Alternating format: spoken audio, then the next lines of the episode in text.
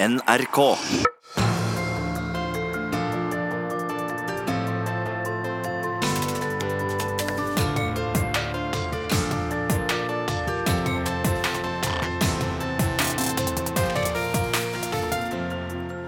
I disse dager bruker kriminelle gjenger bomber og granater mot hverandre i Malmö, og folk blir skutt på åpen gate. Er det ei trøyst for norske politikere og politi at det er verre i Sverige, eller er gjengkrigen der en trussel vi ikke tar på alvor? Ja, Velkommen til en ny utgave av eh, Disse dager på NRK P2. Denne veka har eh, krevd nye unge dødsoffer i en svensk gjengkrig som ser ut til å ha kommet helt ut av kontroll. I den sørsvenske byen Malmö er 38 mennesker skutt og drepne de siste åtte åra. Bare seks av drapene er oppklarte. Og her hjemme er det til sammenlikning eh, lenger mellom hver skuddveksling, men kriminelle gjenger har stått bak både drap, knivstikking og bilbranner. Og tallet på voldssaker blant unge under 18 har økt kraftig de siste åra. Er drapsbølga i Sør-Sverige et varsel om eh, hva som er på vei over grensa, eller et trøystende bevis på at vi i det minste har gjort noe rett i kampen mot gjengkriminalitet og ungdomsvold?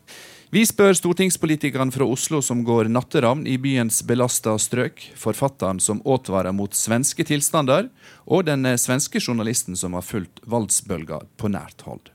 Aller først skal vi møte han som var en av lederne i et av byens mest berykta miljø, B-gjengen i Oslo.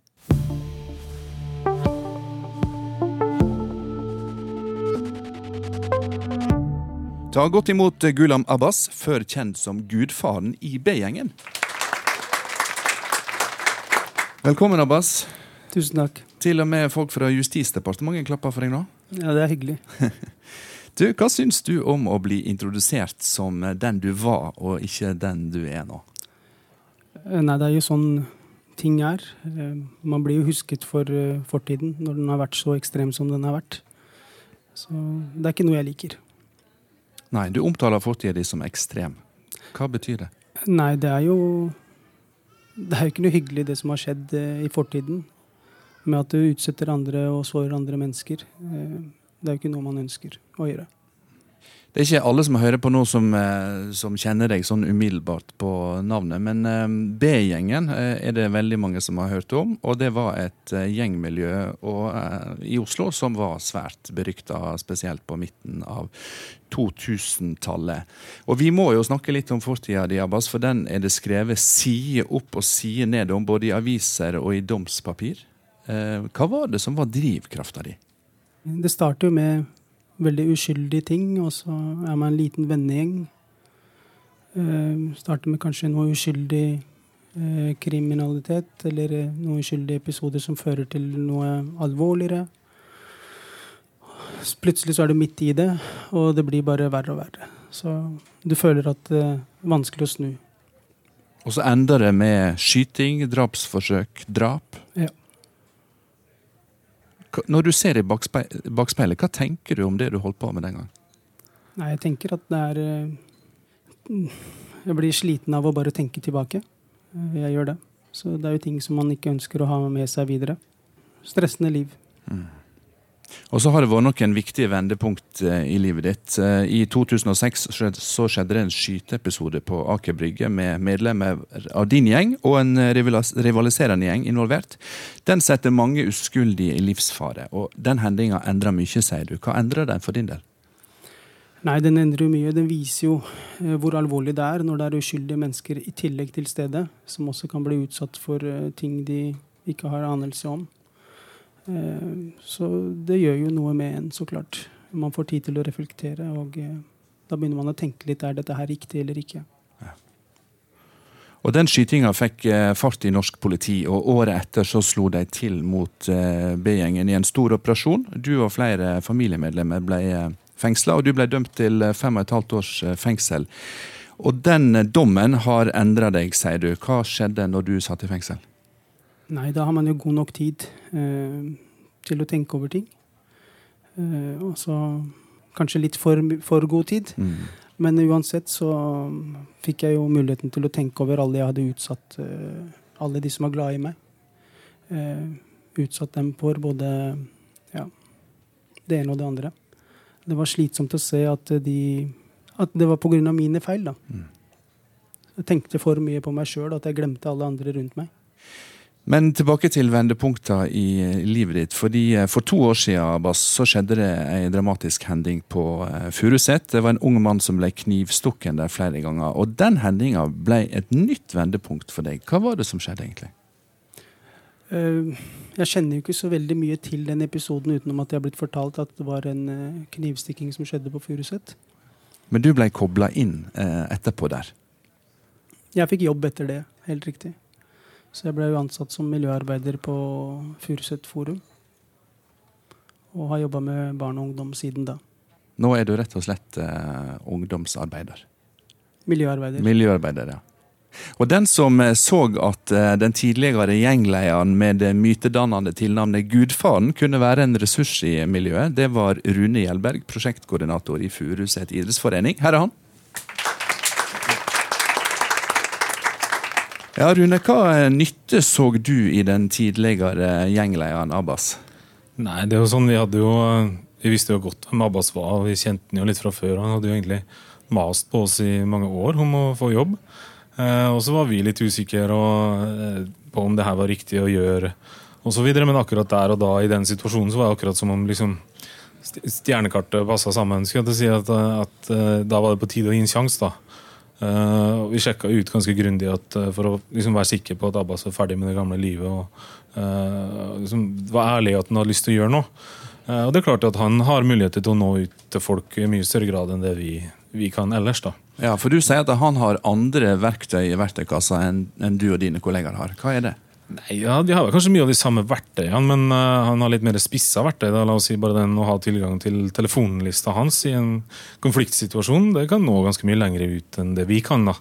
Uh, og det er jo ofte sånn at nå, nå er jo ungdom uh, Det er jo en ny generasjon som kommer etter Abbas, som er, som er ute på gatene nå og slåss og, og, og gjør kriminelle ting.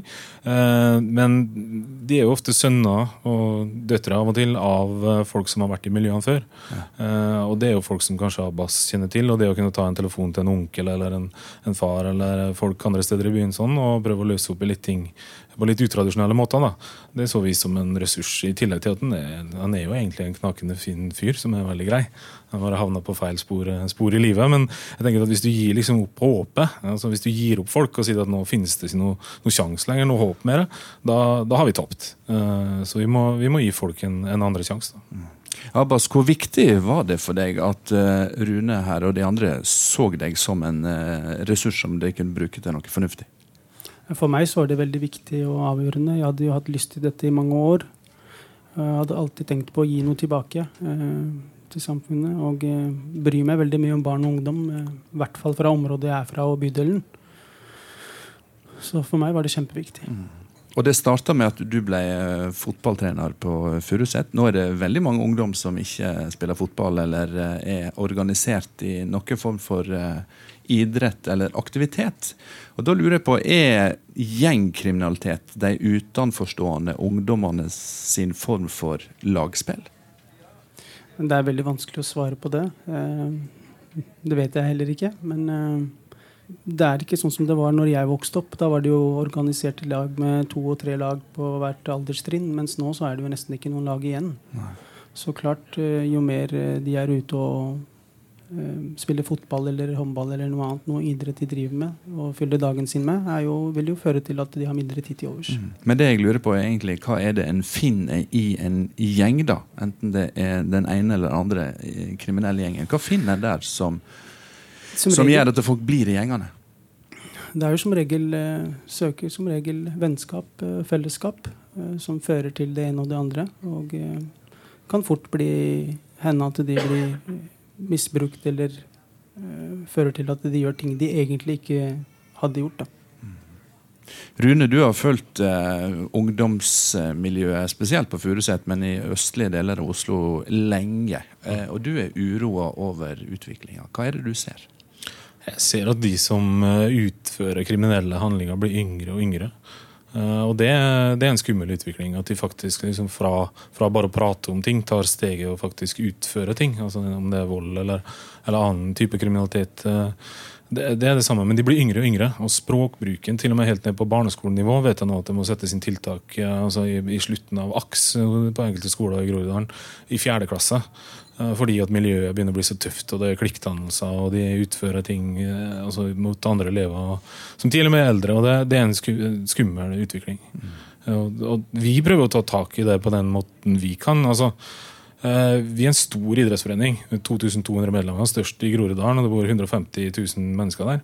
Eh, og vi har nå rundt 30 ulike prosjekter, faktisk, eh, fordi at vi er så store, som handler om lokalsamfunnsutvikling og, og forebygging. Alt fra lederopplæring for ungdom i Alnaskolen, som Abbas også har vært med å, å jobbe med, til direkte forebyggende prosjekter hvor vi snakker om tvangsekteskap, æresrelatert vold, vold generelt, kriminalitet. Så vi prøver å fange opp de som ikke bare er interessert i idrett. Da. Og det tror jeg er viktig. Lag og forening av Groruddalen. Abbas, vi skal senere i sendinga høre at tallet på valgsaker blant unge under 18 øker. Og eh, en advaring om at disse unge lovbryterne står i fare for å bli rekruttert inn i kriminell gjengmiljø. Ser du noe av den tendensen i ditt arbeid? Ja, Vi ser at det er yngre og yngre som eh, man må ta en prat med. Eh, så det er veldig uheldig. Uh, det er langt ifra det jeg kjenner til fra eh, min oppvekst. Eh, så jeg tror det kanskje har noe med rekruttering og eh, noen dårlige ja, Vanskelig å si hva som fører til det, men det er i hvert fall kanskje noe rekruttering. Men er dette annerledes nå enn da du eh, styrte B-gjengen? Det er i hvert fall annerledes fra den tiden eh, til nå. For da var det jo sånn at hvis vi så unge eh, de yngre pleide vi å sende dem hjem eh, eller kjefte på dem. Eh, og nå så virker det som om de blir tatt godt vare på, og det er farlig. Ja, Apropos farlig. Eh, nyhetene fra Malmö forteller oss at eh, kriminelle gjenger der bruker bomber, granater, skytevåpen, og at folk blir skutt på gata og på restauranter. Hva tenker en gammel gjengleder når han hører om det som foregår der?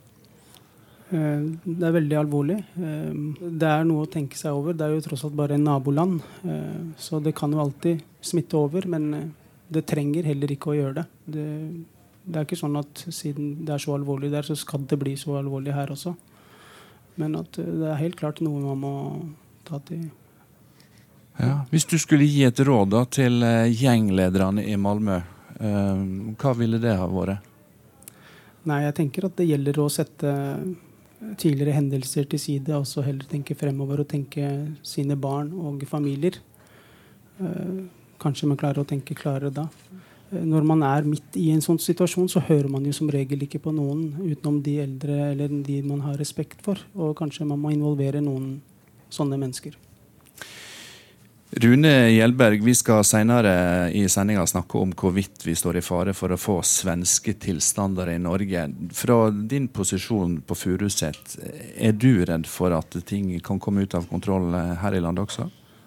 Kanskje ikke på samme måte, men jeg tror det er veldig sammensatte problemer. Jeg tror Sverige har en litt annen samfunnsstruktur og et annet boligmønster enn det vi har. Altså det, det, er mange ting som taler for at, at det er lengre dit i Norge. da Eh, enn i Sverige. og Det ser vi jo i Groruddalen nå. altså det, det, er lite gettotendenser. altså Folk er, er, veldig opptatt av begrepsbruken i samfunnet. altså Det ved at vi kaller barna problembarn, da blir de problembarn. altså Hvis vi velger å kalle de en ressurs, så kan de bli en ressurs. Eh, og Sammen med det med gettobegrepet altså i Groruddalen. Jeg var i Los Angeles eh, for noen år tilbake faktisk på jobb, og da, da så jeg en sånn turistbrosjyre der. og Det er litt morsomt, for i den så sto det at i Los Angeles så bor det 22 millioner mennesker med forsteder. Og vi har innbyggere med bakgrunn fra 140 forskjellige nasjoner. Det er liksom for å, for å symbolisere mangfoldet der. Og så tenker jeg Vi som bor i Groruddalen, der bor det 150 000 mennesker. Og vi har mennesker der med bakgrunn fra 170 forskjellige nasjoner. Så det er veldig vanskelig å få til noen gettoer ut av det. Eh, og særlig i forhold til det at eh, folk eier sin egen bolig stort sett her i Norge. Det gjør at man ikke kan klumpe seg sammen i store utleiekomplekser osv. Det er mange ting som taler for at, at svenske tilstander sånn som vi ser det der, ikke nødvendigvis kommer til Norge. Mm. Men det handler jo selvfølgelig om hvordan vi oppdrar ungdom, og det handler om hvordan vi legger til rette for at ungdom kan få bruke ressursene sine, framfor å henge på gata, skape gjengdannelser, klikkmiljøer. og det, Der kommer lokalsamfunnet inn. Ja, og Der er du viktig i lokalsamfunnet i eh, Furuset i Oslo. Og det er også du, Gulam Abbas, nå som eh, engasjert eh, voksen for ungdom i området. Du skal få være med oss litt senere i sendinga, Abbas. Vi skal si takk til Rune Gjerberg fra Furuset idrettsforening. Vi nevnte skytinga på Aker Brygge i 2006. Den ble et vendepunkt i politiet sin kamp mot gjengene. Og det var svært dramatisk for de som havna i krysselden på sjøsida den gang. Men hendinga er likevel småtteri sammenligna med det som nå skjer i Malmö.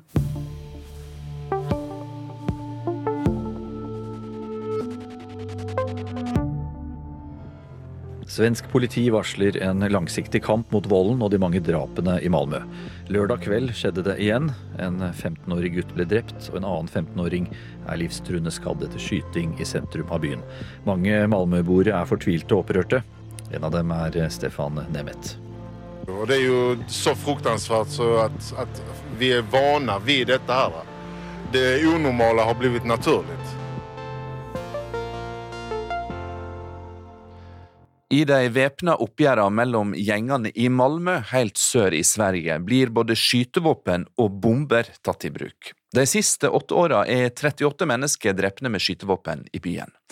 Kenan Habul, du er journalist i avisa Sydsvenskan og har jobba tett på de kriminelle gjengene i Malmö. Hvordan beskriver du stemninga i Malmö nå, Kenan? Det er veldig mange ulike følelser innblandet. Det fins uh, eh, sjokk det finns eh, hopplöshet, det finns en slags uppgivenhet. Det finns också trots och det finns en stark vilja tror jag att, att en gång för alla försöka lösa de här problemen för vi som är under så pass många år och eh, varenda gång det har skett någonting eh, så har vi sagt okej okay, nu är gränsen passerad. Vi har ju haft 16-åringar som har blivit ihjälskjutna tydligen av misstag. Vi har haft familjer som har fått handgranater inkastade. För bara några månader sedan var det en kvinna som blev ihjälskjuten när hon höll sitt barn i famnen. Och nu har vi alltså en 15-åring som har blivit ihjälskjuten mitt i centrala stan en tidig kväll inför väldigt många vittnen. Och varje sån händelse sänder som chockvågor genom stan. Och det gör att man känner både uppgivenhet och hopplöshet. Men den här gången har ju både den lokala och rikspolisen gått ut väldigt hårt och sagt det här måste ta stopp. Mm. For det er brutaliteten her, Kenan, som sjokkerer ikke bare innbyggerne i Malmö, men også oss som følger dette fra Norge. Eh, hva er det som har skapt denne tilsynelatende totalt hensynsløse brutaliteten? Enkelt svar på den frågan er at det finns väldigt mycket vapen i omlopp och det finns väldigt många unga män som är beredda att ta och använda dessa vapen eh, som kanske inte ens har utvecklat konsekvenstänkandet för att det, de är inte så gamla de här. Och sen finns det en lite längre förklaring som bottnar i flera olika eh, förklaringsmodeller. Vi har ju en stor fattigdom i Malmö. Vi har en stor barnfattigdom. Vi har Eh, väldigt många unga som inte går ut ur grundskolan med fullständiga betyg.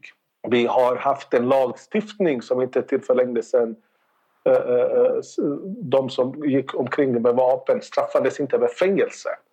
Så det finns väldigt många förklaringsmodeller plus närheten till kontinenten att Malmö är en inkörsport för droger som går längre upp i Sverige och till droger som går i Norge, blant annet. Det er viktig å huske på at dette er jo ikke rotløs eh, ungdom som driver hærverk for moro skyld. Dette er jo kriminelle miljø som mellom annet handler med narkotika.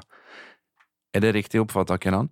Den forklaringsmodellen som vi har fra polisen og uh, det som de kriminelle og før dette kriminelle også beretter for oss, er jo at, at, at det handler i første hand om, om Eh, eh, narkotikakrig av eh, narkotikamarknaden här i Malmö. Men man ska också komma ihåg att det finns ju ett antal mord i den här stan som grundar sig i mycket mer, om man får säga så, banala skäl. Att det kan handla om skulder. Mm. Att det kan handla om flickvänner, att det kan handla om att den ena personen eh, har känt sig förolämpad av en annan. Så, så det finns ju eh, flera olika skäl men knarkhandeln är det som, den förklaringen som, som oftast kommer och som polischefen her i Malmö lyfter fram.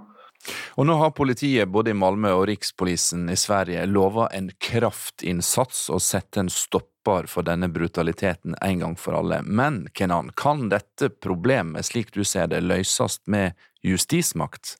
Inte ens poliserna själva säger att det är de som ska lösa problemen. Jag, jag skulle våga påstå att det finns en tydlig konsensus bland de uh, myndigheterna uh, som är inblandade i brottsbekämpningen i Skåne och Malmö att det, uh, det behövs helt andra insatser för att stävja, för att stoppa nyrekryteringen till gängen.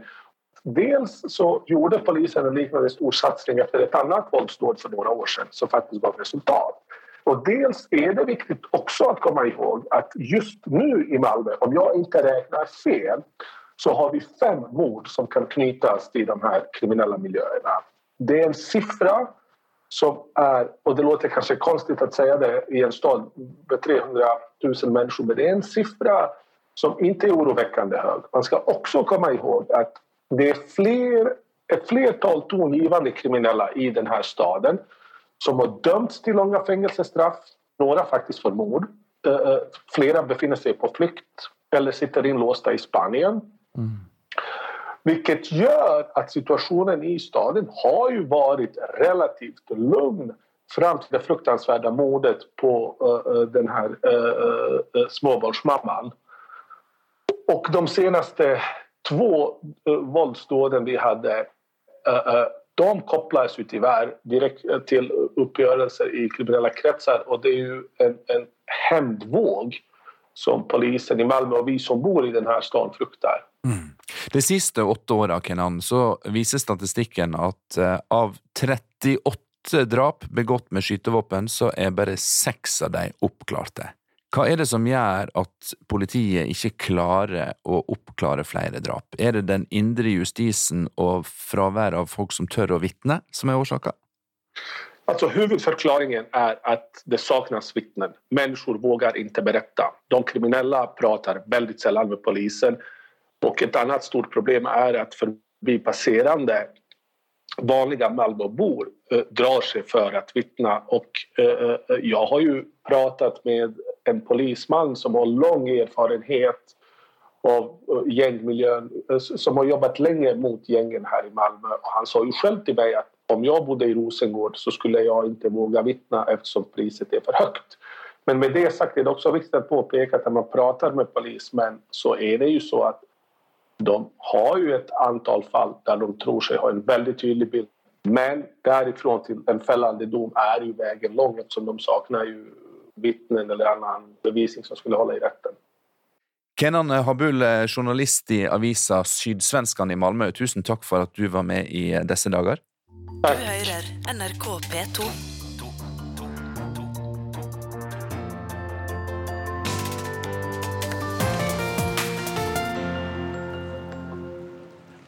Det har jo vært en del voldsepisoder i denne byen den siste ja. tiden. Eh, er du redd for å bli utsatt for blind vold? Hvis jeg går i byen om kvelden, så er jeg det. Derfor går vi nå i byen på formiddagen. Da føler vi at det er mye tryggere. Nei, jeg er ikke det. Men, eh, for jeg har vært så heldig og ikke blitt utsatt for noe. Så jeg er fremdeles ikke redd. Så enn så lenge så går det bra. Nei, jeg kan ikke si det at jeg er redd for det. Nei. Ja, det er jeg. Veldig. Hvis det kommer en gjeng, og du er på feil sted til feil tid, og de har liksom tilfeldigvis plukker ut deg, så er det jo det det har gått på i det siste også. Folk de ikke kjenner. Så det, det er jeg veldig redd for. Nei, egentlig ikke. Men det kan jo hende at jeg er litt eh, naiv. Um, har jo vært i nærheten av å være offer for det et par ganger. Før så bodde jeg på Tøyen og var på vei hjem. Uh, og så var det et par som sprang etter meg fra Youngstorget. Men eh, det kom en taxi, så jeg hoppa inn i den og kom meg unna. Men hvis ikke, så hadde jeg sikkert fått eh, juling. Men i det store og hele så, så har jeg stor tiltro til at folk flest klarer å oppføre seg, og at politiet har kontroll. Ja, har politiet kontroll på de kriminelle gjengene? Det er det delte meninger om. Det er i samband med blind og umotivert vold vi oftest hører om de kriminelle gjengmiljøene. Men det er en sammenheng mellom ungdomsvold i Oslo-gatene på kveldstid og overlagde drap og drapsforsøk med bomber i Malmö. Det mener forfatteren av boka 'Advarsel svenske tilstander i Norge', Einar Håkås. Velkommen hit. Tusen takk. Siden du er tidligere journalist i Aftenposten, Einar, så må jeg spørre deg. Den tittelen på boka di, har du dekning for den? Uh, ja, det mener jeg jeg har, og det er fordi at det er en provoserende tittel. Uh, og det var jo liksom meningen med denne tittelen. Og uh, fordi at det som skjer hver gang det er et eller annet vold eller annet uh, tilfelle av uh, ungdomsproblemer i Oslo, og det er påtenning av biler og sånne ting, så sier politikerne jo da, det, det er ganske ille, men dette er i hvert fall ikke svenske tilstander. Uh, og min nå har jeg vært en del i Sverige og laget reportasjer, og jeg har også tatt det med i boken. Jeg har vært i Malmö, jeg har vært i Göteborg, vært i Södertälje. Og det jeg ser, er jo at vi har de samme mønstrene her hjemme. Eh, og dette mønsteret er eh, først og fremst preget av at vi har et nytt gjengbilde. Eh, I dag har vi multikriminelle gjenger. Vi har ikke disse etniske gjengene som preget 90-tallet og 2000-tallet, tidlig på 2000-tallet i Oslo. Disse multietniske gjengene er koblet opp til kriminelle nettverk og direkte til mafia og uh, folk som styrer narkotrafikken. Og de brukes helt klart av disse uh, kriminelle nettverkene. Uh, på den annen side så er det klart at utviklingen har kommet mye, mye lengre i Sverige. Så at vi ser jo ikke Eh, samme antall drap og, og, sånn som de har i Sverige. Så, sånn sett så er det helt spesifikke tilstander i, i, Sverige, og det har jo også forskerne sagt. Men hva er da sammenhengene mellom de som overfeller forbipasserende i Oslo, og de som kaster håndgranater i Malmö? Uh, sammenhengen er at uh, uh, i Norge har dette skjedd. volden får et helt annet uttrykk i Norge. Eh, fordi at eh, eh, For det første så er ikke kampen om narkomarkedene så markert ute i gatene som det er i Malmö. Men vi har sett masse tilfeller av kidnapping, trusler og tortur av mennesker knyttet til Holmlia-miljøet. Og når det gjelder denne volden vi ser ute i gatene i Norge, denne blinde volden, Eh, så tror jeg det har sammenheng med to Altså at den skjer akkurat nå, at det kommer akkurat nå, har sammenheng med at eh, de gjengene som er der, har i stor grad mistet kontrollen over sine medlemmer. Og de istedenfor at uh, volden er målretta mot konkurrenter og sånn, så er de nå fri til å gå rundt og utøve denne volden på egen hånd. Um, og En annen sammenheng er at eh, gjengene bevisst rekrutterer eh, personer som har et voldspotensial. Eh, og i disse miljøene så er det faktisk stas å bli fengsla og ikke tyste på kamerater etter at du har utøvet vold. Velkommen også til deg, Lars Roar Frøyland. Du er stipendiat ved velferd, velferdsforskningsinstituttet NOVA ved Oslo OsloMet. Takk skal du ha. Er vi på vei mot svenske tilstander? Det er jeg litt usikker på. Eh, altså Basert på de statistikkene vi har nå, eh, så er det egentlig ikke så mye som tyder på det. Eh, det skal sies at det har vært en utvikling i kriminalitetsbildet i særlig i Oslo. Eh, det var et eh, toppunkt i 2007 når det gjaldt både antallet kriminelle handlinger som fant sted blant, blant unge under 18 år, og eh, tilsvarende når det gjaldt voldskriminalitet. Og det, det, var en synkende trend fram til 2015, før det etter det har snudd. Og nivået er nå omtrent tilbake eh, der det var i 2007. Og så viser statistikken også at eh, det er dobbelt så mange valgsaker der sikta var under 18 i fjor, sammenlignet med 2011. Hva forteller det deg? Nei, altså Det er jo helt klart i den yngste aldersgruppen at det er en utvikling. Eh, samtidig så vil jeg jo eh, påstå det at eh, det er kanskje vel dramatisk det Einar skisserer, men at det kan være en viss grad av sannhet i det, det er helt sikkert mulig. Eh, politiet selv har jo også pekt ut en gruppe på eh, ja, det er vel 182 unge gjengangere som de omtaler i sine rapporter, som eh, jo utøver veldig mye av den kriminaliteten som finner sted i Oslo. I fjor var vel det faktisk 47% av alle handlingene de sto bak. Så at det kan finnes en gruppe som den Einar omtaler, absolutt, det er mulig. Men vi finner det ikke igjen i den generelle statistikken over kriminalitet blant unge i Oslo. Nei, fordi utviklinga er ikke eksplosiv, men den er markant, da. Den er markant, og den har endret seg de siste årene. Eh, men jeg vil si at det er måte, da? På hvilken måte har den endret seg? Eh, nei, altså Det er jo helt klart en økning i både generell kriminalitet og voldskriminalitet blant de yngste i Oslo eh, de siste tre årene. Fra 2015 og framover. Eh, endringen finner man ikke igjen i aldersgruppen over. altså Politiet studerer jo også gruppen 18 til 22 år. Her er utviklingen heller eh, i retning av en nedgang i kriminaliteten. Einar Håkås, med tanke på den innsatsen som har blitt lagt ned for å komme vold og kriminalitet eh, blant unge til livs, hva tenker du om at uh, kriminaliteten og volden blant uh, unge likevel øker? Ja, det er jo det som er skummelt, da. At man greier ikke å, å, stoppe dette uten å ta tak i sjølve systemet. Uh, og jeg må jo minne om hva avtroppende riksadvokat Tor Aksel Busch sa i Dagsrevyen, hvor han gikk ut faktisk og, og sier at han advarer og, og mener at vi må lære av Sverige. Altså, Vi må se at vi har de samme trekkene her hjemme, og vi må bruke metoder for å hindre at vi handler i samme situasjon som i Malmö.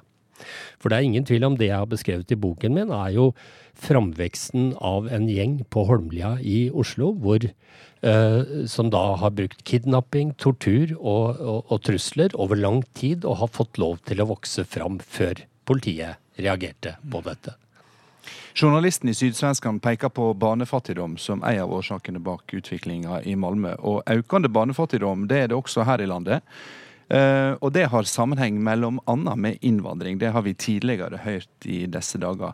Gjør det denne diskusjonen vanskeligere fordi det fort blir en debatt om innvandring og integrering?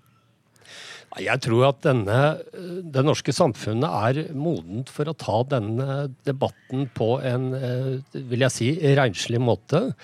Det er helt klart at barnefattigdom er et stort problem, og det er liksom grunnlaget for rekruttering inn i gjenger. Og da jeg jobbet med boken 'Advarsel', så så jeg jo tilstander i enkelte bydeler eh, hvor eh, altså levekårene for disse ungdommene var helt ekstreme når det står en 17-åring fram i retten og forteller at han er overrådig i familien, hvor han har sju mindre søsken og ingen av dem har tilstedeværende fedre, så sier det sitt.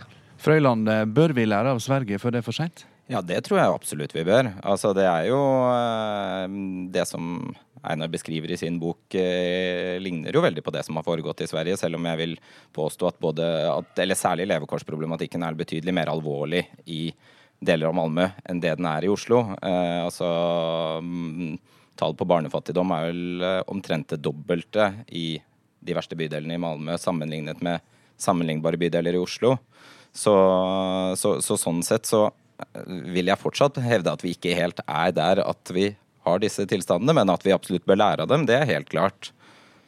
Det er to justispolitikere på vei inn på scenen straks. Fra Arbeiderpartiet og Høyre så skal vi høre hvordan eh, de forklarer seg. Tusen takk til Einar Håkås, eh, forfatter av boka 'Advarsel svenske tilstander i Norge', og Lars Roar Frøyland, stipendiat ved velferdsforskningsinstituttet NOVA ved Oslo OsloMet.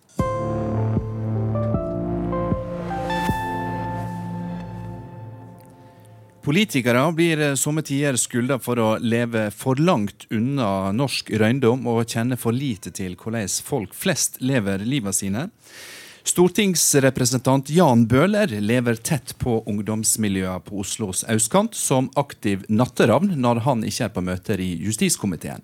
Her er Jan Bøhler og statssekretær i Justisdepartementet Tor Kleppen Settem fra Høyre.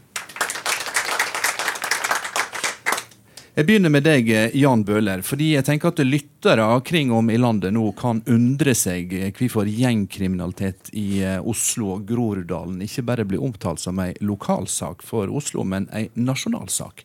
Hva er sammenhengen, mener du? Det er eh, sånn at den organiserte kriminaliteten i hele landet den eh, har utspring i Oslo-området. Så dette er jo gjenger som har et større potensial enn det som bare er det lokale. For jeg får jo Eh, hele tida høre når jeg er rundt og prater med, med folk som kjenner disse gjengmiljøene, har vært i dem eller lignende, så forteller de om at de og de sendes til den og den byen i andre deler av landet med narkotika, med våpen.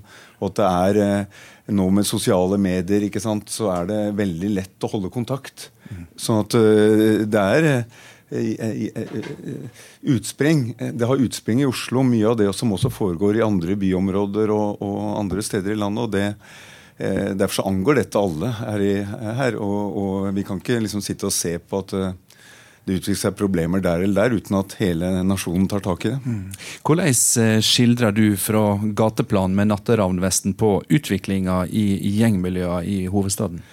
Ja, jeg møter jo eh, altså Jeg er jo beboer i disse områdene, og jeg snakker jo med, med unge og andre i mange roller. da, eh, Også som idrettsleder og osv. Vi har noe som heter Groruddalstinget, hvor vi diskuterer dette. her. Så jeg har mange arenaer hvor jeg møter folk. Og det som er, er eh, viktig, det er at eh, det er noen fellestrekk ved det vi ser i Sverige og det vi ser i Norge. Altså, det, er, det er sånn at Også i Oslo og andre steder i landet Eh, så er det territorier. Altså at gjenger har territorier hvor de, skal, hvor de, har rett til å selge narkotika, eller hevder sin rett til det. Hevder at det er de som eh, står for kriminaliteten, og da handler det om andre ting. Og våpensalg, torpedovirksomhet, det handler om illegal spillvirksomhet arbeidslivskriminalitet. Altså eh, forskjellige former for hvitvasking gjennom eh, enten det er bilverk, altså vaskehaller eller, eller, restauranter eller det ene eller andre. Altså det, det, er, det er, omfattende kriminalitet som, eh, som, de etter hvert eh, trekker inn folk som har greie på til å gjøre for dem. Og, og, og, sånn at De har territorier, og de har det som vi hørte om fra Sverige her, en, en, et veldig stort en veldig stor fryktkapital. sånn at eh, folk vitner ikke mot dem. Folk forteller ikke hva som skjer. og Derfor så er det vanskelig å ta dem, i hvert fall selv om de i noen tilfeller som jeg har fulgt noen rettssaker siste året, tas av politiet, så blir det lave straffer fordi folk endrer forklaringer, vil ikke vitne. De trues, og de har jo, de har jo sett eksempler på at eh, trusselen er ment alvorlig. Tor Kleppen Settem, statssekretær i Justisdepartementet. Er det ei trøst eh, for deg og dine kollegaer at det er verre i Sverige, eller ser dere på dette som en trussel som vi bør forholde oss til? Mhm. Jeg tenker verken på det som en trøst eller en trussel. Eh, hvis jeg hadde sagt en trøst, så hadde det vært eh, fryktelig naivt å si det på den måten. Eh, men vi må heller ikke la oss hemme av det, fordi vi må ta utgangspunkt i den virkeligheten vi står overfor. Hvordan er den? Og den virkeligheten, sånn som jeg opplever den, og når jeg snakker med dem som jobber operativt ute på ulike måter, eh, det er en virkelighet der utviklinga har gått i gal retning. Men den har gått i gal retning på flere plan. Altså Én ting er det som noen snakka om tidligere i sendinga, nemlig de aller yngste som kommer inn, og der politiet egentlig ikke har noen virkemiddel. Og så er det hele løypa opp til dem som er ordentlig profesjonelle, organiserte, voksne kriminelle som utnytter de miljøene her. Eh, og skal vi ta både rekrutteringa og de mest profesjonelle aktørene, så må vi bruke helt ulike virkemidler. Og det, betyr igjen at politisk så må vi jobbe etter så mange ulike tråder. Vi kan ikke bare jobbe etter politisporet. Vi må se på både kommunens innsats, skolens innsats osv. Hele veien opp til den spisseste delen, der både Økokrim, Kripos og politiets spisseste ressurser settes inn. Mm. Så det er et stort arbeid, og vi må tenke helhetlig nå for å sørge for at vi aldri behøver å tenke på svenske tilstander i Norge, bare å frykte dem. Der vet jeg om i alle fall én som mener at ikke det blir tenkt helhetlig nok, og at ikke det blir gjort nok. Jan Bøhler, du har kritisert regjeringa for å ikke uh, få sette i gang uh, nok tiltak tidlig nok. Ja, altså jeg har jo etterlyst at uh, man kommer med tiltak som vi trenger for oss å bekjempe disse kriminelle miljøene bedre. Som for eksempel? Nei, Det er f.eks. at vi, at vi um, har, uh, burde nedlegge altså Som, som lage et forbud mot, mot kriminelle gjenger og mot å rekruttere til dem. Og Det burde være en selvfølge. altså Det er en sammenslutning som har som formål å bedrive kriminalitet. Og det burde være forbudt. Og, og altså Parallelt, Jeg var saksordfører i Stortinget for terrorlovgivning, hvor vi forby det, det å rekruttere til den typen organisasjoner. Dette er kriminelle organisasjoner. Og Det har regjeringen sagt seg positiv til, og sagt at de utreder også, men jeg skulle ønske at det kommer. Fordi at de som er bakmenn her, de veld, begår veldig lite kriminalitet før eh, selv. Derfor har Riksadvokaten også anbefalt det at vi jobber med et sånt forbud. Det kom et brev fra Riksadvokaten til regjeringen 31.8 i fjor om dette, om dette, temaet, og vi har fremmet forslag i Stortinget. Så jeg, har, jeg savner noen verktøyer da, som kunne vært bedre. og Det er det, det er eh, redskapet for å ta pengene fra gjengene. For for disse bakmennene så handler jo alt veldig mye om penger. Og da er det redskapet for å inndra penger. I dag, så hvis en ung gutt for eksempel, som driver med narkotika, tas på gata i Oslo med 40 000 i lomma. Åpenbart narkotikapenger som er skaffet på ulovlig vis.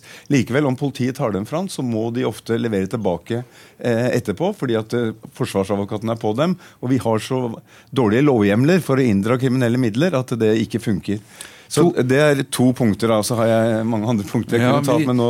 Vi skal ta med oss de to punktene til statssekretæren. Jeg er ikke uenig med Jan eh, i det han sier nå. og Ganske riktig som du også sa, så, så er det forbudet mot å være tilknytta kriminelle gjenger det er altså noe som noen av de skarpeste juristene nå er satt på sporet av å jobbe med, og, og det er du selvfølgelig godt kjent med.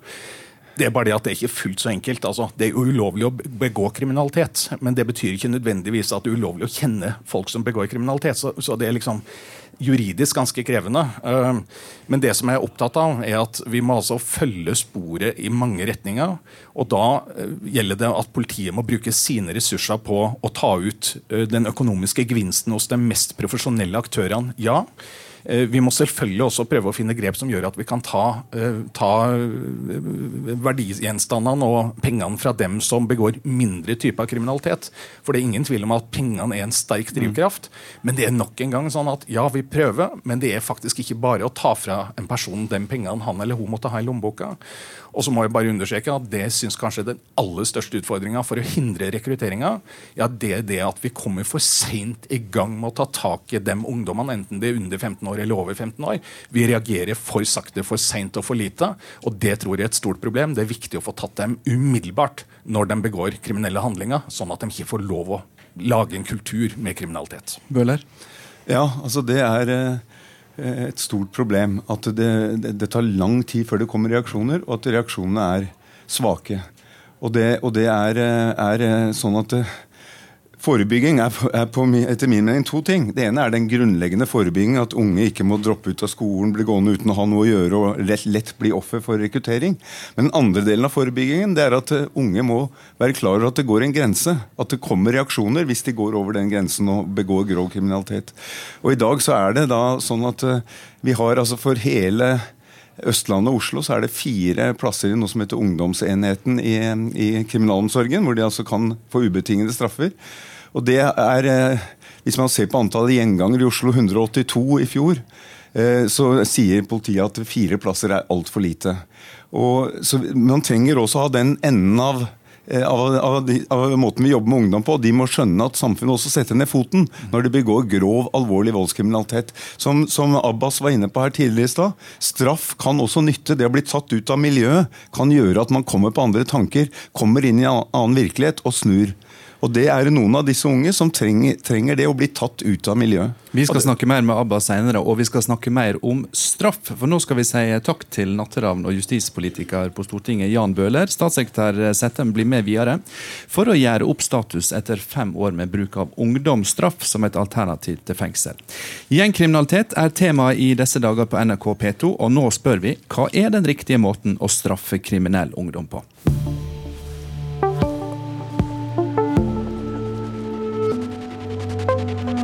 Hvordan bør mindreårige som begår kriminalitet straffes, mener du? Kanskje sette det i arbeid og lære litt normer og verdier og hva livet er, egentlig. Og det tror jeg er ganske lurt. få bort alt dette hatet og, som avler vold òg, liksom. Ofte. Ikke straffes, men eh, jeg tror det må bli litt tettere oppfølging i, i, i skoleverket. Den er vanskelig. Ehm, jeg tror det går mye på at de ikke skal straffes, men de trenger vel mer oppfølging. da. Det er sikkert en grunn til at de utøver den volden de, de gjør. Fengselstid. Sånn kortvarig fengsel, sikkert. Eh, Hvis kriminelle ungdommer gjør ulovlige ting, så burde de få, få konsekvenser på deres handlinger. Og da burde de få, få litt sånn fengselstid for å kjenne det. Norge innførte på 50-tallet noe som var helt fantastisk, noe som ble kalt for ungdomsfengsel. Og Det var altså sånn, litt sånn arbeidsleirer hvor de måtte jobbe fysisk. Jeg tror man skulle gått tilbake til det. Det hadde antagelig hjulpet veldig, veldig bra. Ikke buret inne sammen med sånne yrkesforbrytere, men altså arbeidsleire hvor de måtte jobbe til de hadde betalt eh, skaden. Ja, arbeidsleirer er ikke lenger en straffereaksjon. De siste fem åra har Norge hatt et system som heter ungdomsstraff, som et alternativ til fengsel for unge lovbrytere. Men en tredjedel av de som får denne typen straff, gjør nye lovbrudd kort tid etter, viser en ny rapport. Velkommen til June Eikio Grimestad. Du eh, har vært eh, engasjert eh, i ungdomskriminalitet. Dvs. Si du har jobba med og mot ungdomskriminalitet i 23 år. Først ved Konfliktrådet i Oslo, og nå i barne- og ungdomspsykiatrien. Skal vi først bare forklare lytterne hva denne straffa går ut på? For det er ett sentralt element her. Det er at lovbryterne skal møte sitt offer. Ja. Og det er Gjennom 13 år. konflikt, konfliktrådene som har ansvaret for dette. Mm. Denne nye straffereaksjonen som da eh, ble enstemmig storting sto bak, det var det konfliktrådet som fikk eh, til å administrere og gjennomføre dette nye tiltaket. Ideen bak dette var at hvis ungdom eh, fikk møte sitt offer og fikk anledning til å høre historien, hvilke konsekvenser det fikk for, for offeret, så vil ungdommen vil skape en indre endring, en indre motivasjon for ungdommen til å selv ta ansvar og skape en endring. Så Det var en, en, det var en av grunnene til at da konfliktrådet fikk denne nye straffereaksjonen. Hvordan har dette fungert i praksis, da? Nei, altså der, er det, nå har det jo kommet en eh, Nordlandsforsk har jo da uh, evaluert uh, denne, denne reaksjonen. Og her er det mange utfordringer som blir, uh, som blir pekt på. Og det som både forskninga sier, og også en del fagfolk sier, at eh, man stiller seg spørrende til at disse ungdommene skal møte sitt offer, som kanskje selv aldri har selv blitt bedt unnskyldning for. Vi vet at eh, ja, opptil 90% av disse ungdommene som gjør disse alvorlige lovbruddene, har selv blitt utsatt for, eh, for en del ting. De har vært på andre siden. Og det, det å tenke da at en 15-16-åring skal sitte og møte sitt offer uten å selv ha kjent og blitt bedt unnskyldning for. Så det er på disse litt sånn feil ender å begynne, da. Og du sier ut ifra din erfaring at de, si, de tyngste ungdomskriminelle er Mm. de som uh, sjeldnest vil møte sitt offer for å be om unnskyldning. Så det er liksom de eh, litt mer eh, lette kriminelle som gjør det. Ja, jeg, jeg tenker at den, det, ungdomsstraff treffer ikke målgruppa. Og jeg tenker det, det er jo litt sånn som jeg ja, helt, spinner helt tilbake der, hvorfor en ny straffereaksjon kom. Det var jo fordi Barnevernskonvensjonen mente at vi ikke skulle sette unge lovbrytere i fengsel. Og så ble denne her nye ungdomsstraffen eh, funnet opp da, i et ideologisk miljø rundt restorative justice, eller gjenopprettende rett. Der man faktisk ikke hadde med seg alvor. altså Vi har, vi hørt mange historier her hvilke alvor og, og hva de ungdommene har stått i. Så, så dessverre så har eh, denne straffen oppstått i et miljø som ikke har tatt inn over seg alvoret av de, hvem disse ungdommene er. Mm. Tor Kleppen setter fremdeles med statssekretær i Justisdepartementet. June her viser til en fersk rapport fra Nordlandsforsking som slår fast at 30% av ungdommene som får ungdomsstraff, begår nye lovbrudd innen et år etterpå. Var det slik de hadde tenkt at denne ordninga skulle virke? Nei, jeg syns jo ikke de tallene er gode nok. Men kunne jeg først da bare få lov å, å gi et lite bilde som jeg håper og tror kan være interessant for dem som hører på oss nå. Nemlig at Eh, bare så ikke vi misforstår hva ungdomsstraff er. fordi det, det finnes jo ungdom som begår enda mer alvorlig eh, kriminalitet, altså type drap osv. Og, så og dem settes altså i et fengsel, riktignok gjerne i en ungdomsenhet i et fengsel. Eh, men det er altså ikke sånn at den oppfølginga vi nå snakker om med å treffe offer osv., det, det er altså en gruppe av unge som begår alvorlig kriminalitet, men dog ikke så alvorlig at de skal rett i et fengsel. Eh, og så har vi for ungdomsoppfølging, som også er retta i mye større grad mot en langt større gruppe eh, som begår mindre alvorlig kriminalitet. Men, Men tilbakefallsprosenten kommer ikke du unna? Nei, nei, nei, det har jeg ikke tenkt heller. Eh, nei, jeg er ikke fornøyd i det hele tatt. Jeg. Og det kanskje ikke pga. det med 30% men det pga. noen av de grepene jeg føler at feiler litt. Det ene sa jeg tidligere i sendinga også, da Jan Bøhler var her ved mikrofonen. og Det er rett og slett at jeg syns oppfølginga kommer altfor seint, altfor sakte, altfor lite kontant. Det må vi gjøre noe med. Der må samspillet mellom politi og mellom kommunens ulike enheter den må bli mye bedre, for vi må ha en kontant oppfølging. Det andre som bekymrer meg veldig, eh, og det mine Barneombudet har brakt på bane, det er at kommunene har et veldig ulikt nivå på den oppfølginga. Noen steder så er det god oppfølging, andre steder så er rett og slett oppfølginga veldig svak. Det svikter litt for mye, det er litt for tilfeldig avhengig av hvor du tilfeldigvis bor. Mm. Eh, og det er, ikke, det er, ikke, bra nok. Og så sier du, June, som har jobba med dette her i i mange år at mm. det som mangler, er ressurser til å faktisk hjelpe de som får denne ungdomsstraffa. Hva er det det står på? Nei, Det står på, på, to hovedtiltak. Det ene er det å forstå sitt eget sinne. Aggresjon. Aggresjonsmestring. Og det andre er rusbehandling. Altså det å forstå hvorfor man ruser seg, hvorfor man velger dette. Og når jeg har hørt på debatten nå, så er det jo veldig en sånn, sånn krigsretorikk rundt, rundt dette. Uh, og for meg, da, som, som har jobba med disse ungdommene og kjent, hatt mange samtaler, både terapeutisk og, og, eh, og, for å bli kjent på, på gata og på kontor, så er det jo en, en, et høyt lidelsestrykk bak. da.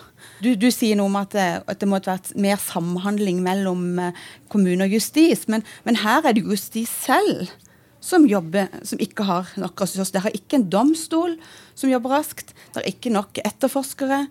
Uh, der er forsinkelse mellom konfliktrådet og friomsorgen. Altså, det er et vanvittig byråkratisk ja, system som, som, selv, som, som, Justisdepartementet selv står for. Ja, så det å peke på kommunen det er jo én ting i forhold til de faktiske tiltakene. Men justis tar jo heller ikke dette her. altså Den sendryktigheten som er i eget departement, det at dere har valgt å, å ha to eh, tunge byråkratiske organisasjoner, friomsorg og konfliktråd, som håndterer denne gruppa. Det, det har du helt sikkert gode poeng på. Jeg tviler ikke på det. Jeg har ingen behov for å være uenig med det i det. Eh, men, men eh, du må, altså, først anklaget du oss for krigsretorikk, og deretter for ikke å være enda skarpere. Men det er nå så sin sak. Nei, det var hele debatten. Hele debatten, hele debatten ja. ja. ok. Mm. Eh, men anyway, og, det er en balansegang også når jeg snakker med de politifolka som jobber med de tingene her. For dem er også redd for å være for skarpe, fordi det fyrer også opp og skaper faktisk en sånn eh, tilfredsstillelse hos mange av dem som er i den målgruppa her. altså De finner en glede i å få den oppmerksomheten som både politi og, og, media kan gi dem. Men det som er problemet sett fra et politi- og justisståsted, det er at er du under 18 år, så har du færre virkemidler du kan ta i bruk. og er det under 15 år, så har egentlig ikke politi- og justisområdet virkemidlene. Da ligger virkemidlene på andre steder i samfunnet, i særdeleshet på kommunene. Og, og det er der det må følges opp fordi i, både. Både June her, eh, Nordlandsforsking og Barneombudet peker på at det mangler ressurser til å hjelpe de som får ungdomsstraff. Fins de ressursene noen plass? Ja, vil, det, det vil, dere bruke det? Ja, Vi har jo enormt med ansatte og ressurser. Vi må bare sørge for å rette dem inn mot de aller viktigste oppgavene. Og det ligger i den debatten vi nå har, at det å hindre nyrekruttering, både det å hindre nyrekruttering av dem under 15 år, og det å ta ordentlig tak i dem som er over 15 år, og det å få satt ut de profesjonelle, og profesjonelle aktørene som er voksne, ja, alle de tingene må til, fordi det handler om å hindre at dette får lov å festes i samfunnet vårt. Tor Kleppen Sette, statssekretær i Justisdepartementet takk skal du ha. Takk også June Eikio Grimestad, sosionom og familieterapeut. Så er spørsmålet hvordan skal samfunnet møte unge lovbrytere som stadig gjør nye lovbrudd? Og hvordan hindre at de blir rekrutterte til kriminelle gjenger? Den tidligere frontfiguren i B-gjengen, Golam Abbas, har kanskje svaret. Velkommen tilbake, Abbas. Takk. Hvorfor tror du at så mange som 30% av de som får ungdomsstraff, begår nye lovbrudd like etterpå? Eh, Det er veldig vanskelig å si eh, hvorfor, eh, men at helt klart at man burde i hvert fall tenke på at kanskje man skal bli litt strengere. Eh, Hvor streng får jo bli en annen ting. Ja, Mener du at ungdomsstraffen ikke tjener sin hensikt fordi den er for slapp i reaksjonen? Kanskje, i hvert fall hvis det er gjentagende, så tenker jeg at man må tenke litt. Ja, Hva reaksjon hadde vært passende da? Nei, det er jo veldig vanskelig for meg å si eh, hva slags reaksjon Hva er det som hjelper det på kriminell ungdom? Det vet du. Nei, det hjelper i hvert fall tett oppfølging. Eh, man må være der for dem. De må føle en viss trygghet og få en sikkerhet. Eh, helt klart. Og at de er aktive. Sånn som når vi jobber på Furuset Forum, så har vi i hvert fall den fordelen at vi begynner å jobbe med barn og ungdom i eh, veldig lav alder. Sånn at vi lærer oss å kjenne dem, og der det bygger relasjon, og der det er mye enklere å eh, jobbe med dem. I tillegg til å jobbe for Furuset idrettsforening, eh, så jobber du i eh, barnevernet. Du er på vei nå eh, med til å møte et barnevernsbarn, og du studerer for å ta fagbrev innenfor barne- og ungdomsarbeid. Hva kan du med din bakgrunn som tidligere notorisk kriminell bidra med for byens barn og unge? Nei, jeg kan jo bare bidra med å bruke min erfaring i de forskjellige situasjonene med barn og ungdom. Eh, og hjelpe dem ut av de forskjellige miljøene, da. Hører de mer på deg enn på, på andre voksne? Eh, Jeg føler og tror det, og det har noe med at de tenker at eh, her snakker jeg med en som har vært på den andre siden, som har erfart dette sjøl. Og det tror jeg gjør noe med dem. Gulam Abbas, eh, nå ungdomsarbeider på Furuset i Oslo. Tusen takk for at du kom og var med i disse dager. Tusen takk. Vi er ved veis ende her i disse dager. Reporter Linn Helene Løken, tekniske ansvarlige Geir Døle Gjersjø og Nils Svennem, produsent Marte Rommetveit og jeg, Håkon Haugsbø, takker for følget.